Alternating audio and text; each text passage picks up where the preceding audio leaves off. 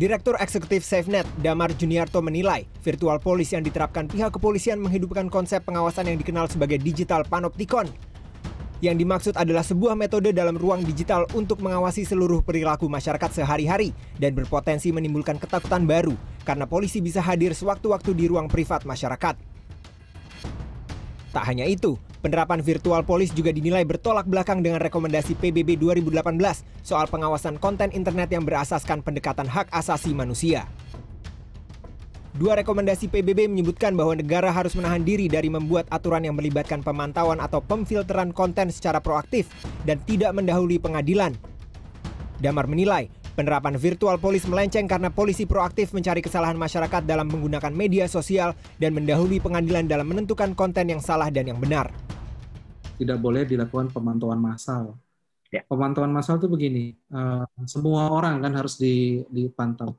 Yang boleh itu sebetulnya adalah pemantauan yang tertarget, misalnya pada uh, teroris atau misalnya pada koruptor, yang memang jelas-jelas um, mereka pelaku kejahatan tapi pada warga biasa yang tidak melakukan eh, tindakan-tindakan uh, yang melanggar hukum sebetulnya tidak boleh diterapkan massal. Apalagi ini proaktif ya.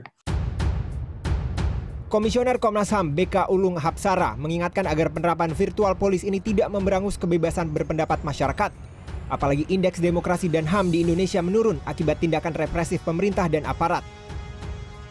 Polri diharapkan tidak subjektif dalam penerapan virtual polis serta salah menafsirkan pasal-pasal dalam Undang-Undang ITE yang hingga kini masih menjadi perdebatan di tengah masyarakat. Jangan sampai polisi siber ini kemudian mengancam kebebasan berekspresi dan berpendapat warga negara. Apalagi kemudian saat ini indeks demokrasi dan hak asasi manusia Indonesia itu sedang turun. Dalam pengertian turun, uh, warga atau warga negara memiliki persepsi uh, negara itu semakin represif dan mengancam kebebasan uh, berekspresi dan berpendapat. Itu yang Kehadiran virtual polis dalam ruang digital tak memberikan rasa aman bagi masyarakat untuk berpendapat.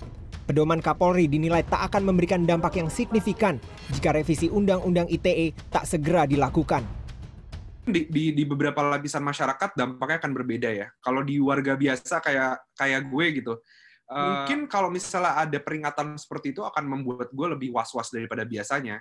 Karena sebelum ada ini pun, gue pun udah was-was sebenarnya kayak, aduh gue harus membatasin segimana sih. Tapi entah kita gimana kalau misalnya yang yang yang diingatkan adalah aktivis, organisasi, oposisi yang kemudian tidak akan gentar gitu loh dengan adanya hal seperti ini.